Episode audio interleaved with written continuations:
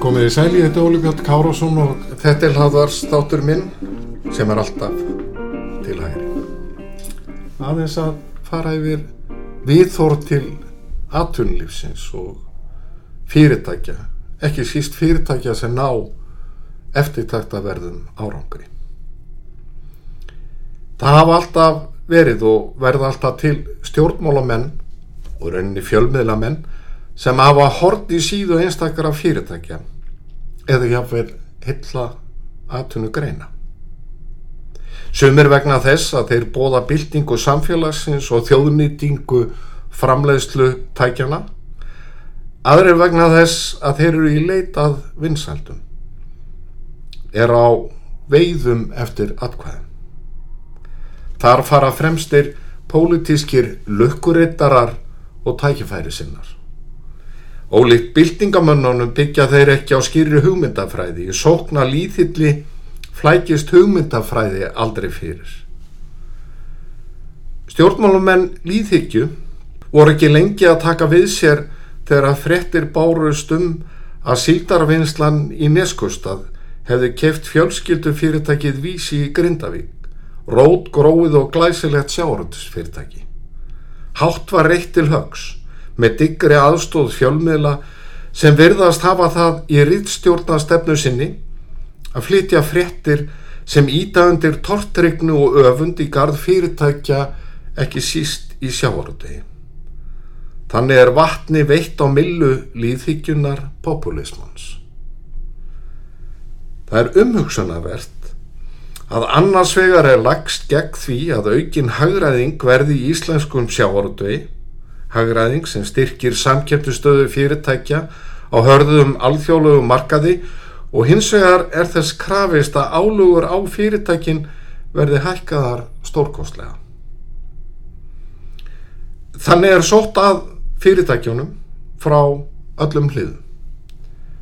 Verði líðhyggjustefna eða populismi lukkurittarana ofan á verður hægt en öruglega grafið undan sjáurtvegi og öðrum atvinningareinum og hann gerður að þurfalingi líkt og sjáarútugur flestara þjóða.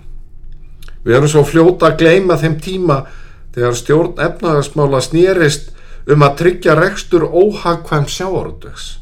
Það sem auðlindum var sóað með rótnu kerfi millifarsla, bæjarútgerða og gengisfellinga það sem launahækkanir voru jætnar upp með óðaverðbólgu. Fyrir þann sem barist hefur fyrir betni þáttöku almennings í íslensku atunlífi eru kaup síldarvinnslunar á vísi fagnaðarefni. Fjölskyldu fyrirtæki kemst í eigu almenningshlutafélags með vel á 15.000 hlutafa.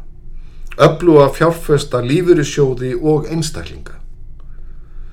Verkefni sem blasir við er að fjölga þeim sjáaröndis fyrirtækjum sem eru skráð á opin hlutabriðamarkað, vinna að kerfisbreytingum sem auðvelda fyrirtækjum og jáfnvel knýja þau til að skreiga skrefið til fulls og verða opin hlutafjölu. Þannig samþættast enn betur hagsmunir sjáarútvegs og almennings. Ég hef áður í umfjöllun um íslenskan sjáarútveg sótt í smiðju Daðamás Kristóferssonar, profesós í Hagfræði og núvarendi varaformans viðreysnar. Árið 2010 vann hann greinagerð um áhrif svo kalladar fyrningarleiðar sem reynd var að fara hér á tíð í tíð vinstri stjórnarana 2009 til 2013 á afkomu og rekstur sjáaröpsfyrirtækja. Greinin var unnin að beðni nefndar um endurskoðun á stjórnkerfi fiskviða. Þingmenn allar á flokka, jæmt flokksfélagar daða má sem aðrir, hefðu gagnaði að lesa greinagerðina í heilsinni en þar segir meðal annars. Ablamagskerfið hefur skapað mikil verðmæti gegnum hagraðingu og verðmætari afurðir. Stærstu hluti hluteldarinnar í heildar abla margskerfinu varanlegu veiði heimildana hefur skipt um eigundur síðan kerfinu var komið á. Sá umfram hagnaður sem ablamarkskerfið skapaði hefur því þegar verið fjarlæður að mestu úr fyrirtækjanum með sölu ablaheimildana. Nýjir eigundur ablaheimilda hagnast ekki meira en eðlögt er miða við áhættuna í rekstri útgerða fyrirtækja.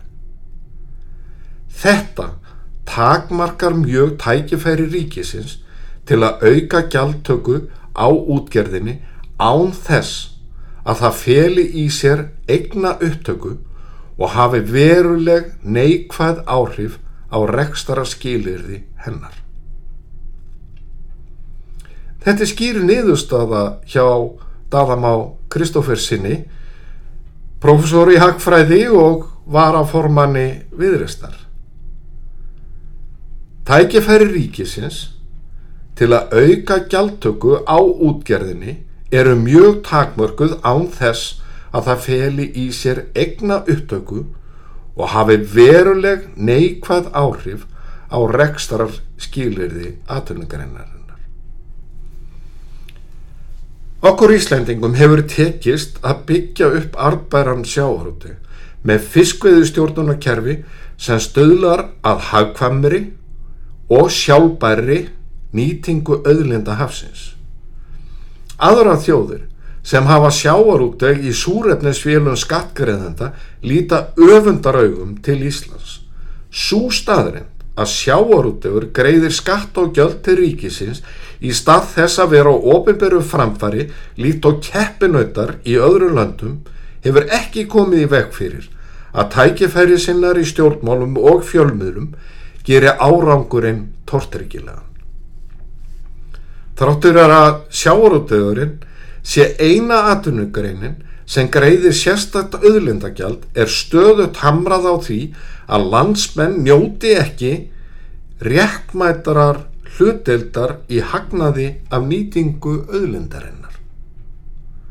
Sjáarútegurinn greiði þriðjung af afkomu veiði, fiskveiða í veiðigjöld, auka annara skatta og gjalda, svo sem tekju skatt af hagnaði og þá er spurningi hversu langt á að ganga. Auðvita er fiskveiðu stjórnunarkerfið ekki gallalust. Hið sama má segja um innhendu veiðikjálta, ekki síst hversu langur tími líður frá lokunun rekstarar árs til þess sem veiðikjöld eru lagð á og innhend. Þessi langi tími hefur skapa jarðveg sem hendar lukku ritturunum. Samengið á milli veiðigjálta og afkomu verður ill skiljanlegt í hugum almennings. Fyrir rúmlega ári kom út skísla óháðara sérfræðinga um stöðu og horfur í sjáarútegi og fiskaldi sem var unnin að beðni þáarendi sjáarútugsþar á þeirra, Kristjáns Þórs Júliussonar. Nýðustöðan var skýr. Sjáarútegur hefur verið uppspretta helstu tækniframfara og nýsköpunar í hennu íslenska hafkerfi. Árangur Íslands er einstakur þar sem við höfum tekið alþjóðlega fórustu ekki síst í nýsköpun og verðmætasköpun sem tengist hennum ímsu hlýðargreinum sjáarútegs. Möguleikar til aukinar verðmætasköpunar eru gríðalegir sér rétt haldið á spilunum. Fyrir auðan greinagerð Daðamá sem ég myndist á hér áðan og vitnaði til er skýrslan gagleg lesning fyrir þingmenn, fjölmiðlunga og allan almenning. Öflug sjáurútusfyrirtæki á grunni fiskveði stjórnunar kervisins hafa verið uppspretta annara auðlinda og til hafa orðið glæsileg fyrirtæki sem eiga rætur í þjónustu við sjáarúteg og eru leiðandi á sínu sviði í heiminum. Þannig hefur sjáarútegur í raunveri brimbrjótur tækniframfara og nýskupunar á síðustu áratugum. Er ekki komin tími til þess að nálga sjáoruteg með öðrum hætti en gert hefur verið? Spurningin sem stjórnmálumenn ættu að velta fyrir sér er hvað við getum gert til að styrkja íslenskan sjáoruteg í alþjóðlegri samkjæfni, harðuri samkjæfni. Hvernig getum við lagað regluverkið? Hvernig getum við stutt við arðsemi fyrirtækjana og þannig aukið samíðilega tekjur og lagt grunn að enn meiri fjárfestingu í nýsköpun og þróun? Hvernig eru skattar og gjöld á sjáaröndi í Hérlandi bórið sama við helstu samkjæfnisland? Með hvaða hætti getum við stöðlað að skráningu helstu sjáaröndisfyrirtæki á hlutabriðamarkað og byggt undir beina þáttöku almennings í aturrækstri? Þetta eru sömu spurningar og eiga við í raun um allar aðrar atvinnugarinnar. Það er miður hver margir stjórnmálumenn veigra sér við að tala með stolti um glæsileg fyrirtæki sem byggð hafa verið upp af elju og hugviti í sjávarútvegi og tengdum greinum. Hræðslan við að samfagna þegar vel gengur í sjávarútvegi hefur náð yfirhandinni. Föngum tortrygni og öfundar stendur stuggur af velgengni og dugmöklum framtagsmönnum. Það er ekkert nýtt. En við verðum að hafa kjark og þór, talsmenn frjáls framtags, talsmenn aturlífsins að tala með stolti þegar að góður árangur næst í íslenskum aturnugreinum. Ég þakka þeim sem hlýtu. Egi góða stundir.